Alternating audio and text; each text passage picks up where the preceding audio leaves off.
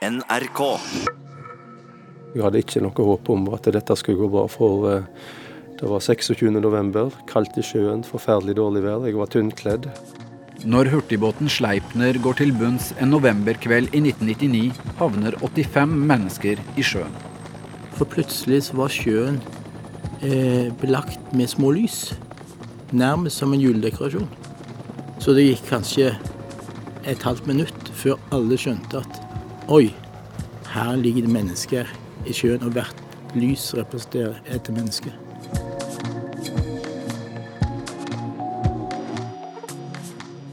Du hører på hele historien fra NRK Radiodukk. Sleipner-forliset av Edvard Hambro, del to av to.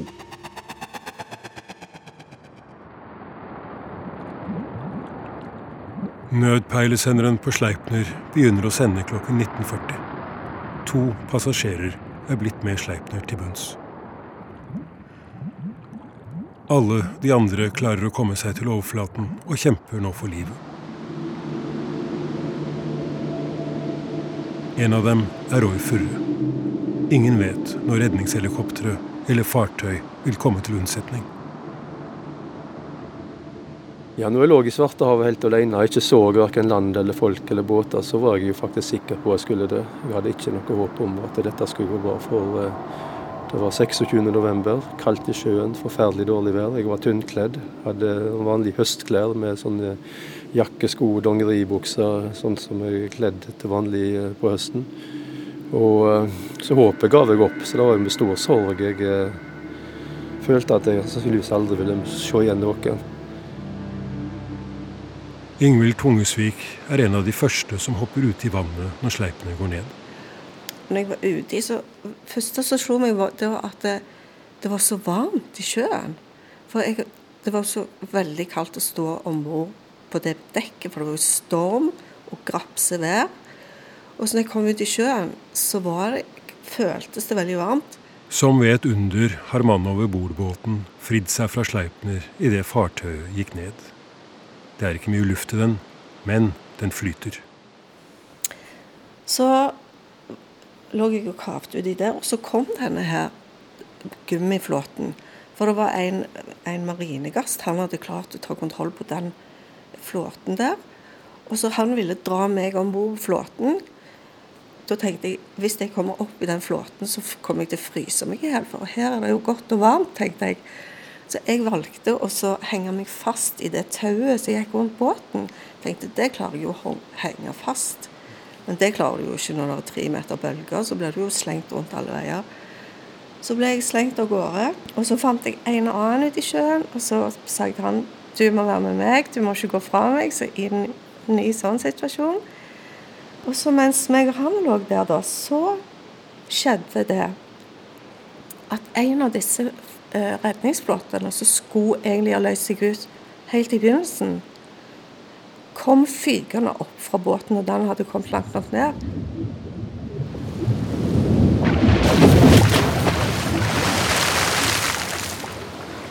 Den ene av Sleipners fire flåter har endelig løst seg ut og kommer opp til overflaten. Plutselig så kom dette monsteret av en redningsflåte. Jeg vet ikke så ut som et sånn lite barnebasseng. Sånn oppblåsbar barnebasseng, bare ganger 120. Da var det en sånn blanding av at jeg var Jeg, var, jeg ble redd, og så pluss at jeg, jeg ble sånn fandenivold. Skulle tenke Hekkan, er det det som skal skje nå? At jeg skal få den der mastodonten i hodet? Nå når jeg har klart meg så lenge, sånn, så skal den liksom ødelegge for alt. Flåten er 14 meter lang og 4 meter bred og har plass til 150 personer. Den veier omtrent 500 kilo. Vinden driver den i stor fart mot Ingvild og hennes medpassasjer. Men Poenget var at den kom skytende opp ned, sånn at den danna liksom en slags paraply over oss. Og det var jo helt flaks for oss, for hvis den hadde ramla rett vei, så hadde vi alle drukna under den gigantflåten. Men den havna med på å si, bunnen opp og danna et tak. Og så var det sånne stabilisatorrøyr, eh, eller hva jeg skal si. Og så klarte han som jeg var sammen med, han klarte å buksere seg opp i røyret. Så han satt der og holdt seg fast i det, så klarte jeg på et eller annet vis å komme meg bak han. Så jeg satt og holdt rundt han som om på en motorsykkel. sant? Han holdt i det staket, og jeg holdt i han. Det er nå flere små ferger og skip som nærmer seg ulykkesstedet. Men kaptein Torgeir Vik på Askita er først. Alle bruker kraftige lyskastere for å lete etter folk i sjøen. Før vi fant folk, så var det jo masse tomme redningsvester som kom chipsposer og alt. Og vi, vi, hadde jo bare lyskaster å, å, å se med, så når vi så noe, så trodde vi jo alt var folk. Blink lys i livvestene. For de, de reg jo mye fortere inn gjennom Det var jo frisk vind. Og, ja. Vi holdt jo på å svingte mye att og fram og skulle se, se hva det var, det vi så. Vi gikk jo på fullt, men når vi traff disse første livhelstene, da da slakka jeg nå ned til sakte fart. Og ja, vi tok jo med ro. Bakte opp når vi trodde vi så folk, og ga på igjen når det ikke var folk vi så. Nå er også Sea King-helikopteret med doktor Eilsen kommet på vingene. Og da var det altså et mannskap eh, på eh, seks på Sea King, i tillegg til eh, da jeg og en redningsmann til. Så vi har totalt åtte mannskap på helikopteret. Da vi kom litt nord mot Haugesund, så så vi kraftige lys. Som vi skjønte at her var det flere båter som var i redningsaksjonen. Men da vi kom enda litt nærmere, så opplevde jo alle noe ingen av oss hadde opplevd før. For plutselig så var sjøen eh, belagt med små lys. Nærmest som en juledekorasjon. Og vi skjønte ikke umiddelbart hva det var. Så det gikk kanskje et halvt minutt før alle skjønte at oi, her ligger det mennesker i sjøen, og hvert lys representerer et menneske.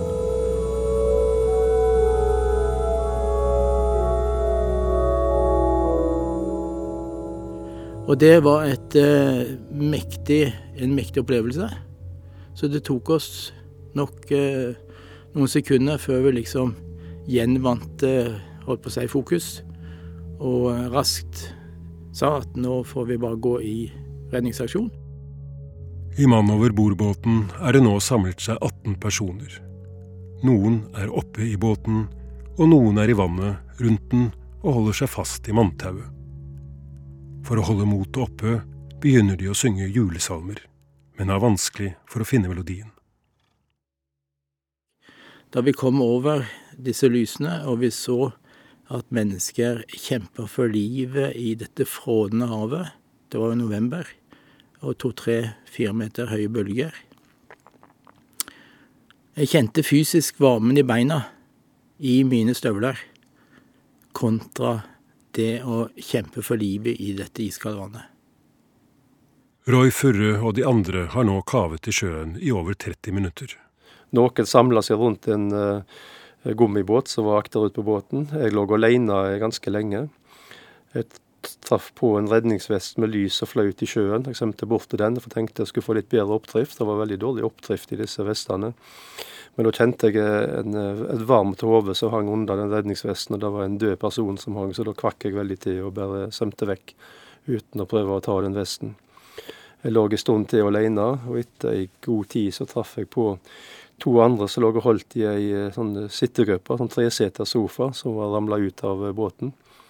Og jeg svømte bort til dem og eh, la meg til på sida av dem og lå og holdt i med ene hånda borti den sofaen, mens jeg holdt andre hånda rundt redningsvesten for å holde den på plass. Den hadde gått i oppløsning og ramla av, så jeg bare holdt den som en isoporkloss foran meg for å få litt oppdraft.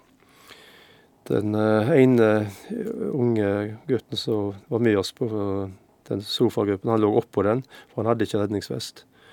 Og etter en viss tid så forsvant den unge gutten. Han sank til bunns, for, uten at vi så eller hørte noe. Om bord i Sea Kingen må doktor Eilsen bestemme seg for hvem de skal redde først. Og jeg sa at i en sånn situasjon eh, så må vi gå til de som har hodene over vannet. Og de som ligger under vann, de må vi da gå forbi i første omgang. Også helikoptre bruker flomlys. De kraftige lyskasterne fra skipene begynner nå å finne de overlevende i sjøen, som fatter nytt mot. Roy ser en liten skyssbåt komme mot dem. Den heter MS Sjøfart. Men håpet ble jo tent når uh, båten Sjøfart kom mot oss og helikopteret lyste på oss. Da øyna vi håp om at dette kan gå bra. Så, så følelsene på sorg, fortvilelse, håp, de bølga opp og ned hele kvelden fra uh, ekstrem dybde til høyde. Så det var veldig sterk kveld på alle måter. Helt forferdelig.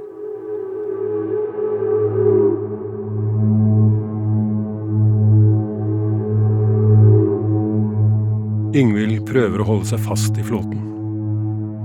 Men så var det jo så vanvittig vindfang i den flåten, og den lå med bunnen opp. Sånn at eh, vi hadde ikke satt der lenge før ei vindrose kom og bare tok hele den. Og så ramla vi i sjøen igjen. Og da ble redningsvesten vrengt av meg. Det var en sånn gammeldags steinalder eh, som Men han som jeg var med da, han hadde fått med seg en sånn en redningsbøye, sånn rød og hvit. Så den fikk jeg, for han klarte å beholde vesten sin. Så jeg klarte å holde tak i den redningsbøyen. Og lå og kavte med den. Det var jo bare å kjempe og kjempe og kjempe, for det var jo vanvittige bølger og et kaos uten like. Og så plutselig så kom det eh, flomlys på oss. Det var, viste seg å være Askita, så, så da var heldigvis for oss så var den fullasta. Så den lå veldig dypt og trygt og eh, stabilt i sjøen. På brua på Askita står kaptein Torgeir Vik. Det, det, det gikk ikke lenge før vi så folk i sjøen. Så først, først så vi en stor flåte som kom. Men den for så fort forbi oss at den Men så, ja, det kom ei ferje bak oss, jeg tror de tok seg av den så så vi den Det var en gummibåt. Den var mye folk i, og folk lå på utsida og holdt seg igjen. og Det var ikke så mange oppi den, men de lå helst i sjøen. For det var ja, det var lite luft igjen igjen, kan du si. Og da, da og mens vi holdt på og tok opp de der, så kom det flere òg som så at vi lå der og så borti oss. Det er mann over bordbåten som først kommer opp på siden av Askita. I alt er det 18 personer som nå skal berges. Noen de var nå så spretne at de kløv om bord sjøl.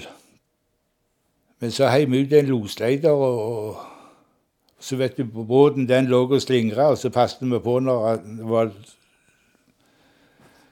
Når han slingra til folket som lå i sjøen, så fikk vi tak i dem, og så heiv vi dem om bord. Eller heiv og heiv, vi heiv de jo ikke, men ja, vi fikk de iallfall om bord sånn. Ja. Men det er én person de får store problemer med å få opp i båten. Det var, det var ei dame som jobbet om bord i Sleipner, så hun hadde overlevelsesdrakt, men den var Alle de draktene er jo for store, iallfall til ei lita jente. eller... Glidelåsen var ikke helt oppe, så den var full i vann. Og henne hadde vi tak i mange ganger. Det var tre mann. Det var jo ikke plass til alle tre mann å, å, å holde i den der. Men når båten slingra opp, så var han så tung og full i vann at vi greide ikke å holde den. Vi miste den tre-fire ganger. Til vi så ei snor bak på ryggen. Ei sånn som de skal hooke seg inn nestemann. Da fikk vi såra den der rundt rekkverket på rekka. Og da hang hun. Men da forsvant dama ned gjennom overlevelsesdrakten. Men da var, da var han Sigmund Larsen, han, som var maskinist om bord. Da sprang han i byssa etter en svær kniv, og så skar vi hull i, i føttene, eller leggene, på, på drakten. Da rant vann ut, og da, da var jeg ikke så tung å få om bord. Da var jeg veldig glad når jeg så at hun var i live. Hun lå en stund på dekk, og så klapset vi litt i kjekene, og da blinka hun med øynene. Ja. Det var, det var, vel hun som var nærmest, tror jeg, å ikke overleve, av de som er berget. Nå er Ingvild også kommet bort til Askita. Og så ble jeg kasta inn mot eh, skipssida. Så jeg lå, liksom, Bølgene kom jo liksom mot skipssida, så jeg ble bare sånn banga om igjen om igjen mot den sida. Så jeg var jo redd at det, liksom, båten skulle gå opp, og så skulle jeg komme meg unna. Sant? og få det. Jeg var helt livredd for å få hele båten i hodet og bli knust under båten. Eh, men av en eller annen grunn så skjedde jo ikke det, da. De heiv et tau ut henne, og så greide du ikke å holde fast når de halte halene nærmere båten. Og så sto jeg i styrehuset og ble litt irritert på de at de ikke heiv et tjukkere tau, for det var bedre å holde i. Og da sprang jeg ned på dekket og Ja, jeg, jeg, jeg holdt jo tak i hun dama når jeg sto i leideren. Men så slingra båten lå og slingra i bølgene, og når båten slingra opp, da greide ikke jeg å holde både hun jenta og meg sjøl. Så da, da, da mista jeg taket i båten og, og ramla i sjøen, jeg òg. Han havna først en gang i vannet, og så kom han seg opp på leideren igjen. Og så klarte han å hive meg over rekka. Hvordan det fysisk gikk, det kan jeg heller ikke huske. Men jeg husker han kom ned, og jeg husker jeg var i båten. Da, da fikk de andre òg tak i hun jenta. Så da fikk vi det om bord. Men da var jeg kommet om bord, jeg òg, så ja. Vi kom vel om bord samtidig, jeg og hun, har vi sagt.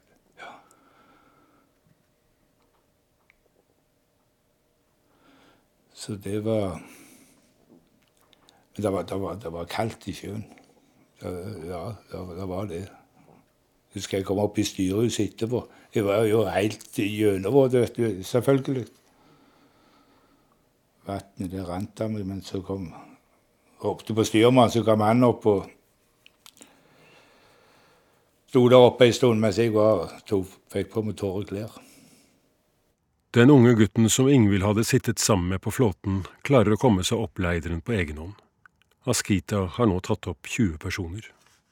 De var, de var, de var overraskende bra.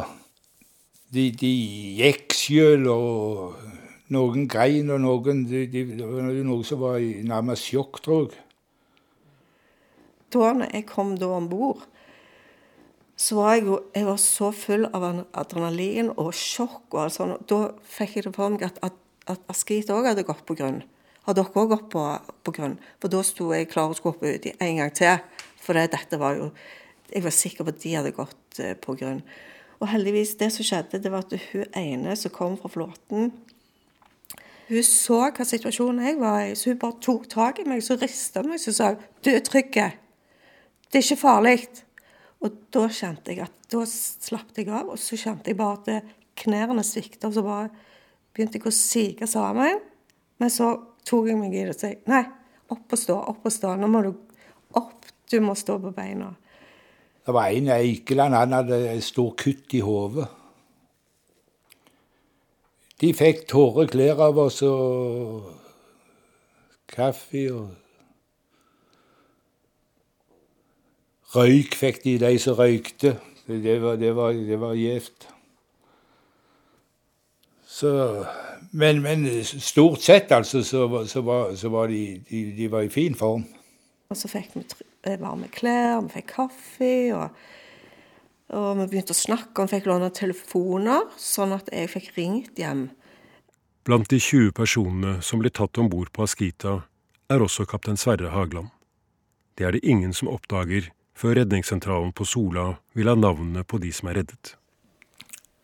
Da var det en som, som var nede og fikk de til å skrive navnet sitt. Og da var, sa han at han var skippermor. Han hadde jo uniform òg, så Men det så ikke jeg når han kom om bord.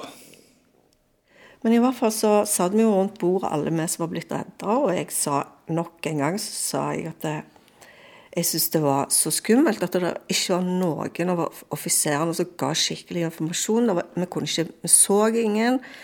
Uh, ingenting skjedde. Så var det en av de andre som sa Helt stille så sa han bare du, jeg syns ikke du skal snakke så veldig mye om det, fordi at uh, kapteinen sitter rett ved siden av deg. Og så viste det seg at det var kapteinen sjøl som var blitt redda i den flåten. Og det var ikke lenge før mannskapet på Askehytta kom bare og tok han og la han inn på en lugar, for han var jo helt, han var helt ødelagt. Og hans skipperen, han var òg Jeg tror han hadde brekt ribbebein. Og det er vondt. Så han hadde det heller ikke godt på noen måte, men ja. Han plasserte jeg i køya mi der. Nei, da syns jeg synd igjen. Det, jeg var nede og så til han flere ganger, for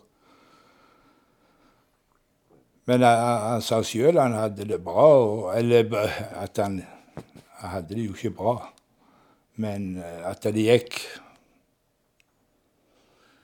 Det gikk eh, tålelig bra. Eller, ja, han, han Det var det beste når han fikk ligge i ro. Men jeg syns synd i han. Jeg gjør det. Det, det er jo det verste du kan komme opp i å gå i båt på land med passasjerer og Uff. Ja.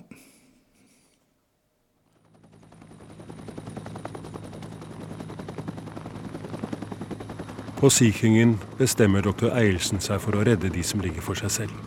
Da vi kom inn i området, så så vi altså sterke lys og en del eh, av disse smålysene, som da representerte hver, eh, hvert menneske, lå i noen klynger. Og de lå nær de båtene som, som, da, som da, hadde kraftige lyskaster over sjøen. Mens eh, vi eh, skjønte umiddelbart at vi måtte gå og plukke opp de som lå spredt i hele området. Og redningsmannen gikk ned og henta én etter én. Eh, vi heiste i alt opp 14 stykker, hvorav én var helt åpenbart død. Eh, sånn at eh, det, det, det, var helt opplagt at eh, der kunne vi ikke gjøre noe. Men de var sterkt medtatt, de vi tok opp. Og det jeg også husker som et sterkt inntrykk, det var at de to første vi tok opp, de hadde bare ett fokus, og det at vi måtte komme oss til land. Og det er den kjente reaksjonen i en krisesituasjon. At man har en sterk, så sterk overlevelsesstrategi at man kan tråkke ned hvem som helst bare for å redde sitt eget liv. Og vi fikk roa de ned og sagt at vi må plukke opp så mange vi kan få, få tak i. Og det gikk for så vidt. Men eh, det var en eh, ganske spesiell stemning om bord i det helikopteret da.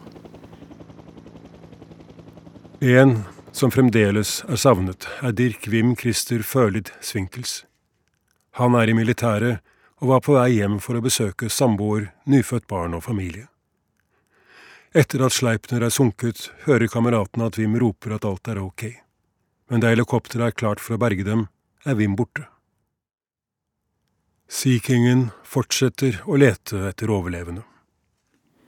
Men eh, det, det, gode i den situasjonen det var at vi så ingen flere i sjøen da vi forlot området, og vi sveipa over for å forsikre oss om at vi ikke så Vi så, vi så vester eh, med lys i, men vi så ikke noen mennesker.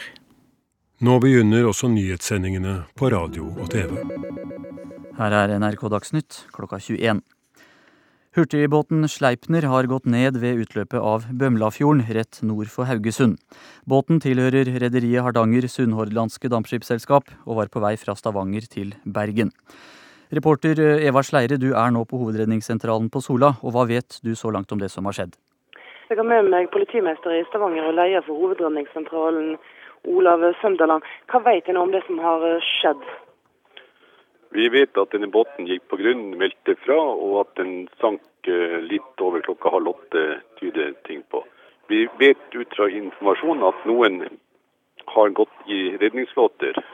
Vi vet at noen er plukket opp av andre fartøyer i området, men noen eksakte tall har vi ikke ennå overblikk Vet du nå om det er noen som har omkommet i denne ulykka? Det vet vi heller ikke. I Bergen sitter Vims kjæreste Benedikte og venter på at han skal komme inn døren når som helst. Når hun slår på nyhetene klokken ni om kvelden, får hun sjokk. Moren til Wim, Tove Følid, ligger og sover. Og våknet av et hyl nede i gangen. Så da var det Benedicte som hadde sett nyhetssendingen. At Sleipner var gått på. Mm, det første var jo å ta vare på Benedicte, og hun var helt knust. Så jeg måtte ta vare på henne. Og hadde ikke tid til å tenke så mye på meg sjøl. Og hun satt og ringte til Vim hele tiden og sa at han tar ikke telefonen, han tar ikke telefonen. Så. Lysstrålene sveiper over bølgetoppene på leit etter liv. Mannskapet på supplybåten Frende har i de siste timene gjort det som gjøres kan for å berge passasjerer og mannskap fra havaristen. Ja, plukka åtte stykker. To i livet, seks døde. Seks omkomne? Ja. Et tjuetalls fartøy har deltatt i redningsoperasjonen. En operasjon som har vært svært vanskelig i bekmørke og høg sjø. Frende og de andre båtene i området vil holde fram søket utover natta, sjøl om sjansen for å finne overlevende nå på det næreste er ute.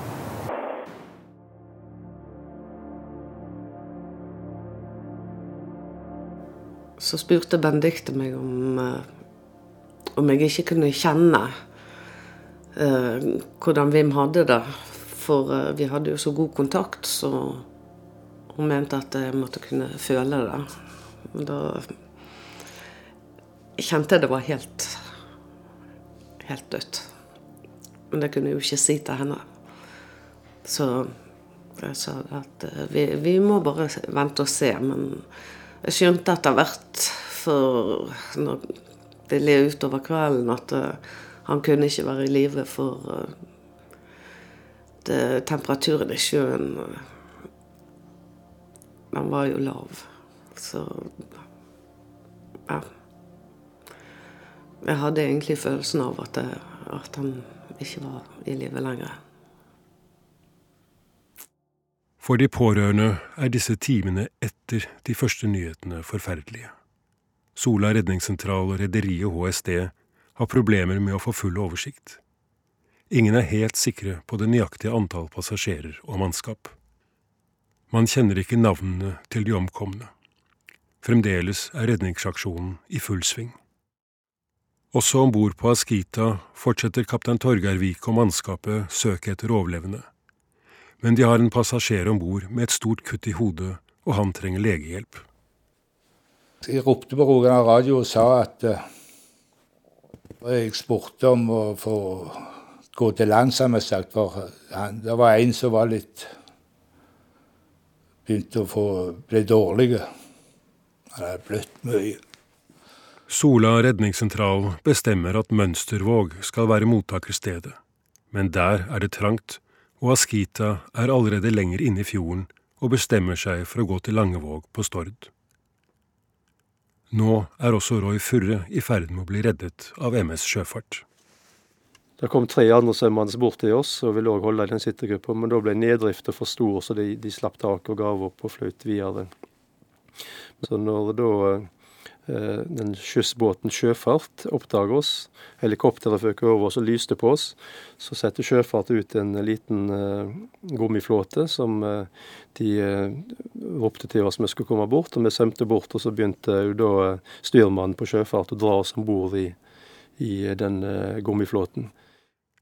MS Sjøfart er en liten lokalferge men sidene på båten er allikevel for høye til at Roy og de andre kan hales om bord.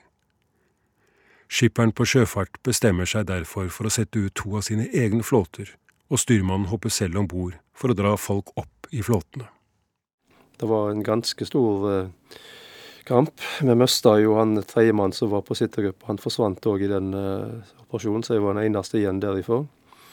De tre andre ble tatt opp, jeg ble tatt opp. Og litt seinere så traff vi òg på styrmannen på Sleipner, som hadde redningsdrakt på seg. Sist Roy så overstyrmann Olav Skjetne, lå han på taket av styrehuset på Sleipner med den håndholdte VHF-en sin. Skjetne har overlevelsesdrakt på seg, men også den er full av vann. Den var full av vann, dessverre, så det var en veldig tung kamp å få han om bord i flåten. Men eh, de klarte det til slutt. Og eh, da var vi jo alle sammen ganske utslitt og helt uh, nedkjørt etter den operasjonen. Eh, han Styrmannen på sjøfart var òg helt utslitt og ble liggende igjen om bord i flåten sammen med oss en stund, før uh, båten da begynte å kjøre mot land med to flåter på slep fulle av folk. Roy ble funnet over en kilometer unna stedet sleipene gikk ned. Også MS Sjøfart skulle egentlig ha gått til Mønstervåg. Men båten er nå mye lenger øst, og med to flåter på slep bestemmer skipperen seg for å gå med vinden ned til Bømlo. Turen blir lang for Roy og de andre om bord i flåtene. Første følelsen jeg hadde når jeg kom om bord i flåten, var at endelig jeg er redda. Så jeg hadde jo et håp om at nå, nå kan livet bli redda. Men jeg blir jo veldig lett sjøsjuk, og alle sammen var jo veldig avkrefta. Og vi lå jo der og skvulpa i, i vannet som var om bord i flåten. og Det var, var kaldt, sjøgang.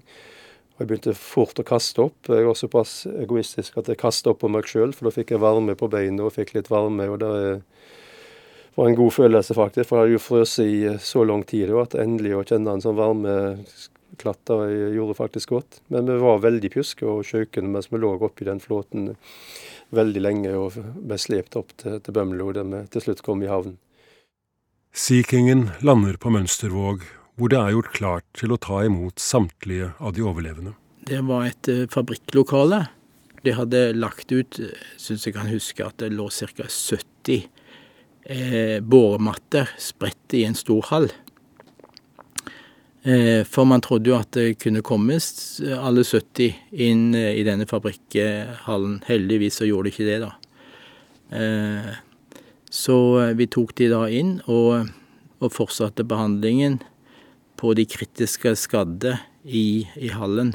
Mens min kollega, som opprinnelig hadde vakt på Sea King, han fløy da ut på nytt søk.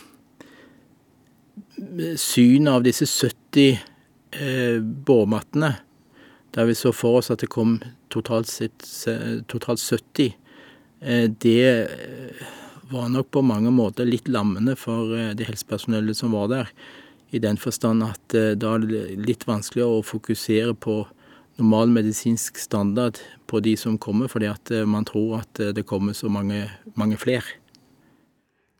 En av de overlevende om bord på Sea Kingen er sterkt nedkjølt og kan bare reddes med hjerte-lungemaskin. I klartekst vil det si at han må fraktes med helikopter til Haukeland sykehus i Bergen. Vi hadde hatt behov for eh, et eh, medisinsk helikopter som kunne ha frakta eh, iallfall en pasient til, til, Bergen til spesialbehandling. Mine kolleger i Stavanger de hadde gjort seg klart og etter de opplysningene jeg fikk, da, så hadde de tilgjengelig et ekstra helikopter fra, fra et annet selskap som var klar til å reise opp. Mens eh, Hovedredningssentralen mente at eh, det var ikke noe behov for noe flere helikopter. Og Hovedredningssentralen hadde nok ikke behov for noe flere, fordi at eh, Sea King gjorde det søket. Og noe flere helikoptre i søk akkurat på det lite området, det, det var det nok klart ikke behov for. Men at det var behov for medisinsk transportkapasitet fra dette mottaksstedet til spesialbehandling, det var det definitivt. Denne pasienten dør på mottakerstedet. Politimester eh, Olav Sønderland, nå kan du ståfeste at det faktisk er funnet omkomne? Av de informasjonene vi har fått fra fartøy som har plukket opp eh, personer fra sjøen, også via helikopter, så har vi grunn til å frykte at ti personer er omkommet og tolv fortsatt er savnet. Vi vet at eh, mange selvfølgelig er både våte og kalde. Eh, hvor kritisk det er, må sykehusene svare på. Det er fortsatt eh, personer som er underveis til behandling fra fartøyer og til land. Og det er etablert mottak også på nordsida av sletta, altså i Bømlo kommune, hvor et team av leger og helikoptre vil ta imot de som blir brakt i land der fra fartøyer. Så Røde Kors på Bømlo hadde mobilisert, og sånt. ambulanse var der for å ta imot de aller dårligste. Det var kaos. Det var to flåter som kom i land. Det var tolv personer om bord i de to til sammen. Og eh, noen når de var jo helt uh, bevisstløse og nedkjørt, så skjønner vi godt at redningsmannskapet konsentrerte seg om dem. Sjøl så gikk jeg for egen maskin ned til et eh, busskur, der jeg fikk eh, tatt av meg klærne og tatt på meg et teppe og fikk ringt hjem. Men jeg var helt utkjørt. Det var ikke mer å vente. Er det mulig å beskrive den samtalen du hadde med kona di? Det er vanskelig. Jeg, jeg sa jeg er i live.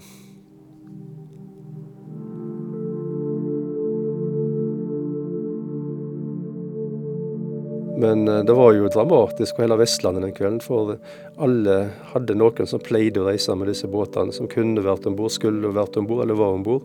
Så det var jo veldig mange tusen mennesker som satt i heilspenn og lurte på om noen av de de kjente eller hadde som familie, var med på ulykka. Så det gikk jo veldig lang tid før man eh, fikk en avklaring på det. Hele Vestlandet var jo helspenn den kvelden.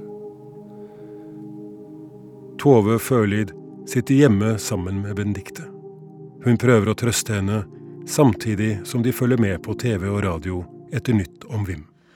Ti personer er altså bekreftet omkommet etter at hurtigbåten Sleipner gikk ned rett nord for Haugesund i kveld. Tolv er fortsatt savnet. Vi satte oss ned og prøvde å følge med på nyhetssendingene.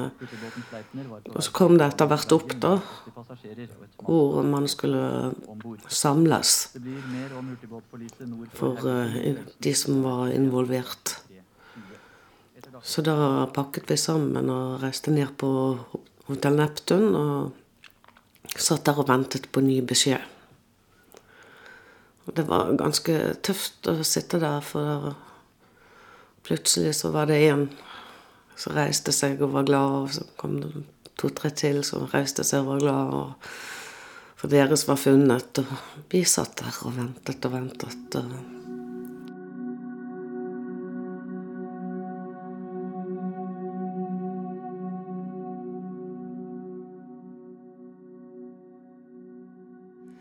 Når vi fikk beskjed at de, de overlevende kom med buss til Hotell Neptun, da ble vi anbefalt å kanskje reise hjem, for det kunne bli litt sterkt å se på gjenforeningen til de andre.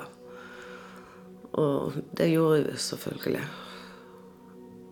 Men tungt var det. Da Ingvild ringte hjem til mannen Andy fra Skita, kaster han seg i bilen og kjører nordover til Stord. Han kommer akkurat for sent til fergen mellom Valevåg og Stord og må vente en time til neste. Men omsider er han fremme hos Ingvild. Det var jo helt toppers, det. Og det var jo komisk at han fra Stavanger var den første som kom da, mens veldig mange var jo fra Stord og Bømlo og rundt omkring. Så han hadde tydeligvis kjørt fort. Men jeg var litt sur for han hadde tatt så stygge klær med til meg. så det var jo litt løye. Har du tatt den buksa, liksom? så, og da hadde jo jeg fått uh, tørre klær på meg, og men jeg hadde ikke sko. Så det som skjedde, var at de ba meg Jeg satt på ryggen til de ned på hotellet på Stord, for der så vi den natten. Men akkurat idet vi hadde kommet oss inn på hotellrommet og låst døra, så um, kom alle pressefolk og alt stormende, og da var jeg glad jeg var i, da var jeg i trygghet. Uh, can you describe uh, the feelings you had when you saw her? Oh, that's been a bit personal. oh, ecstatic, of course. Very pleased to see her. Uh, and to see she was in one piece. Uh, mm-hmm. Let you know how you feel about people when things like that happen, and how precious they are to you. Mm. Roy kommer seg også hjem til sin familie. Det var jo midt på natta. Det tok jo lang tid før jeg kom hjem til slutt. Da var vel klokka sånn i tre-tida på natta. Vi hadde jo tilbud om å gå til sykehus, vi lagte, men jeg valgte å ta en taxi hjem og dra hjem. Så jeg var jo, hadde på meg noe sånne klær som Røde Kors delte ut. Det var en fleecejakke og ei dongeribukse, så jeg hadde i hvert fall tørre klær. Men jeg hadde ingenting annet med meg, da. Men taxisjåføren skulle ikke ha betalt eller noe, så jeg ble jo bare kjørt hjem og satt ved døra og kom meg nå hjem.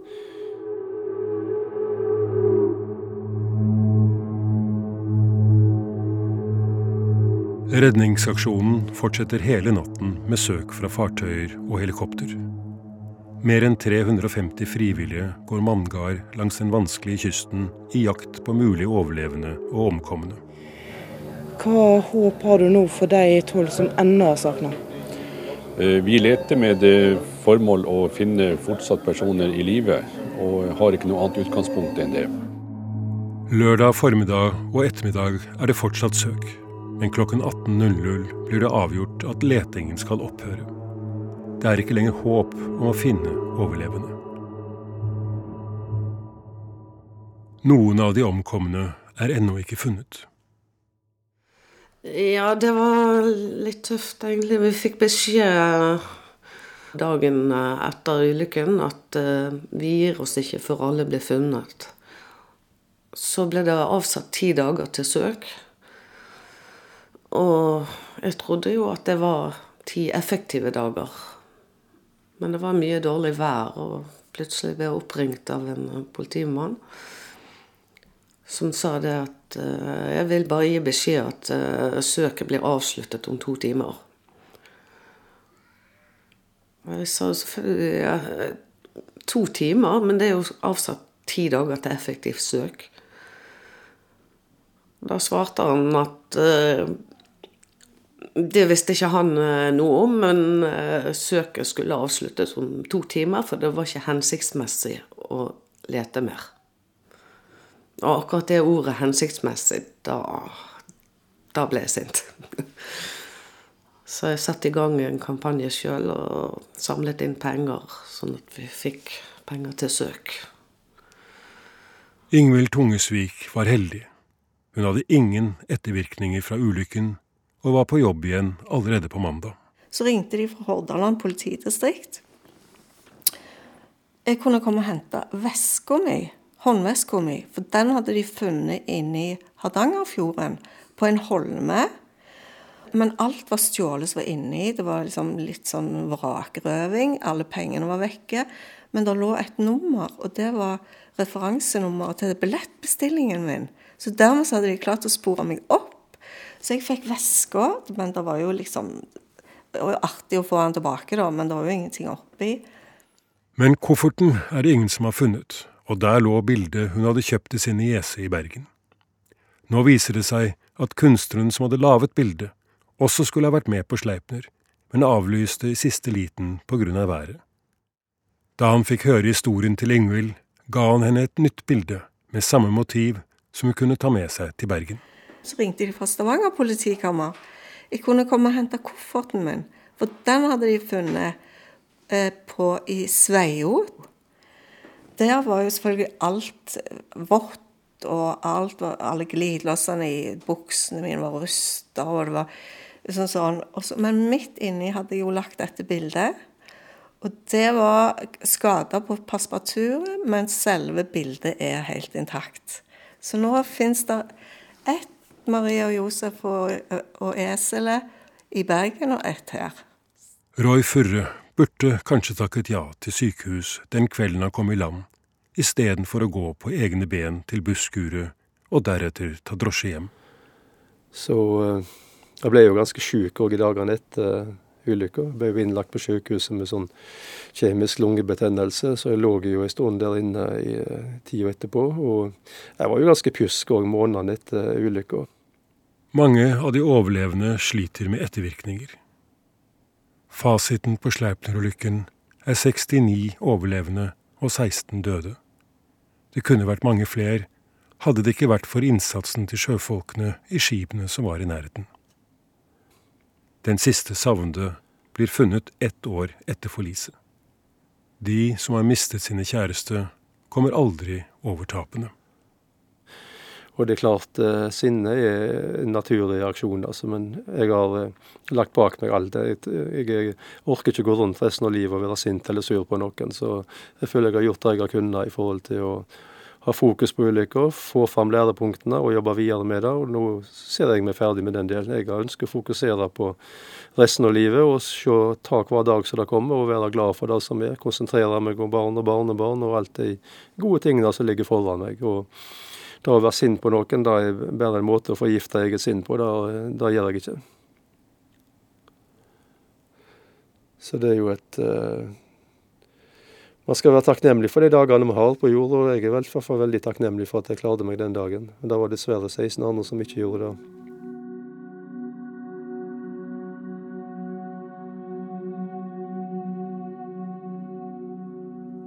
Tove Førlid engasjerte seg i støttegruppen for de etterlatte sammen med Roy Furre.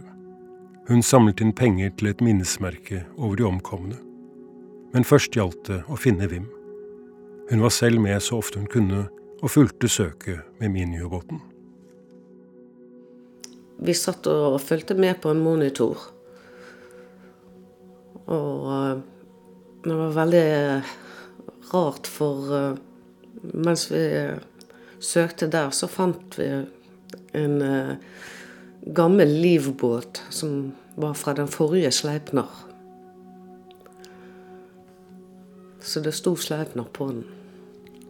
Det, det, var litt rart. På samme sted som vi søkte etter Vim. Og så så vi en liten eh, eh, sånn boks som sto oppå en stein. Så jeg sa jeg må gå nærmere, er det en ølboks, Det ligger sikkert Vim i nærheten. Men det var en colaboks, så han, han, lå ikke der. Men uh, han ble funnet i nærheten av, av der vi søkte. Da var det gått fire måneder. For Tove var det en lettelse. Og hun ville gjerne se ham en siste gang. Ja, for meg var det viktig. Og vi reiste ned til uh, Haugesunder. Og vi så jo likposen som lå bak i begravelsesbilen. Og jeg spurte om jeg kunne få lov til å ta utenpå posen, men det var ikke lov. Så vi måtte følge Vim i kortesje til Bergen. Og så måtte vi bare reise hjem.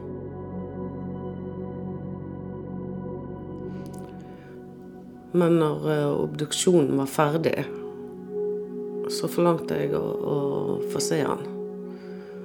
Og det uh, fikk jeg under tvil. Da. De hadde aldri opplevd at noen ville uh, se så Ja, det var jo bare Omtrent bare bein igjen, og så var det litt, litt av føttene. Så, men eh, de laget det veldig fint. De hadde lagt den i en kiste med og brettet sånn fin stilkelaken over. Sånn at vi så akkurat eh, pannen. Og jeg kjente den igjen med en gang. Det var pannen til Vim. Så det var veldig fint å få ta på pannen hans og si farvel.